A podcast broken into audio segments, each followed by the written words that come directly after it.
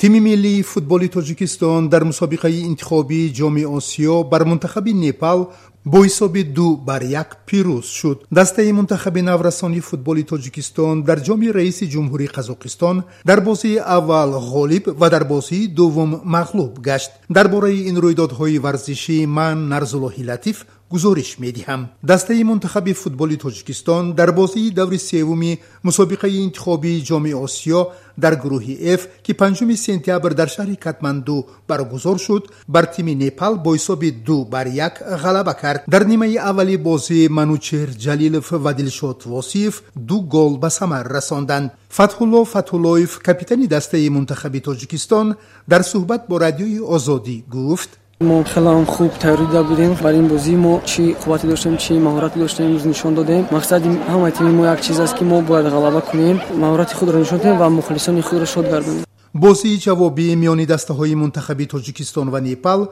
рӯзи даҳуми октябр дар шаҳри душанбе барпо мегардад ёдовар мешавам дастаи мунтахаби тоҷикистон таҳти раҳбарии сармураббӣ ҳаким фузайлов. Нахустин бозиашро дар рақобатҳои муқаддамотии ҷоми осиё дар меҳмонӣ ба мунтахаби яман бо ҳисоби як бар ду ва бозии дуввумашро дар майдони худ ба мунтахаби филиппин бо ҳисоби се бар чор бохта буд. Дар ҳамин ҳол дастаи мунтахаби тоҷикистон дар ҷадвали гурӯҳи ф бо се имтиёз дар зинаи пеш аз охирин севум қарор дорад хабари дигар дастаи мунтахаби наврасони зери 16-солаи футболи тоҷикистон дар мусобиқаи байналмилалӣ барои ҷоми раиси ҷумҳурии қазоқистон ки чоруми сентябр дар шаҳри талғар шурӯъ шуд ду бозӣ анҷом дод.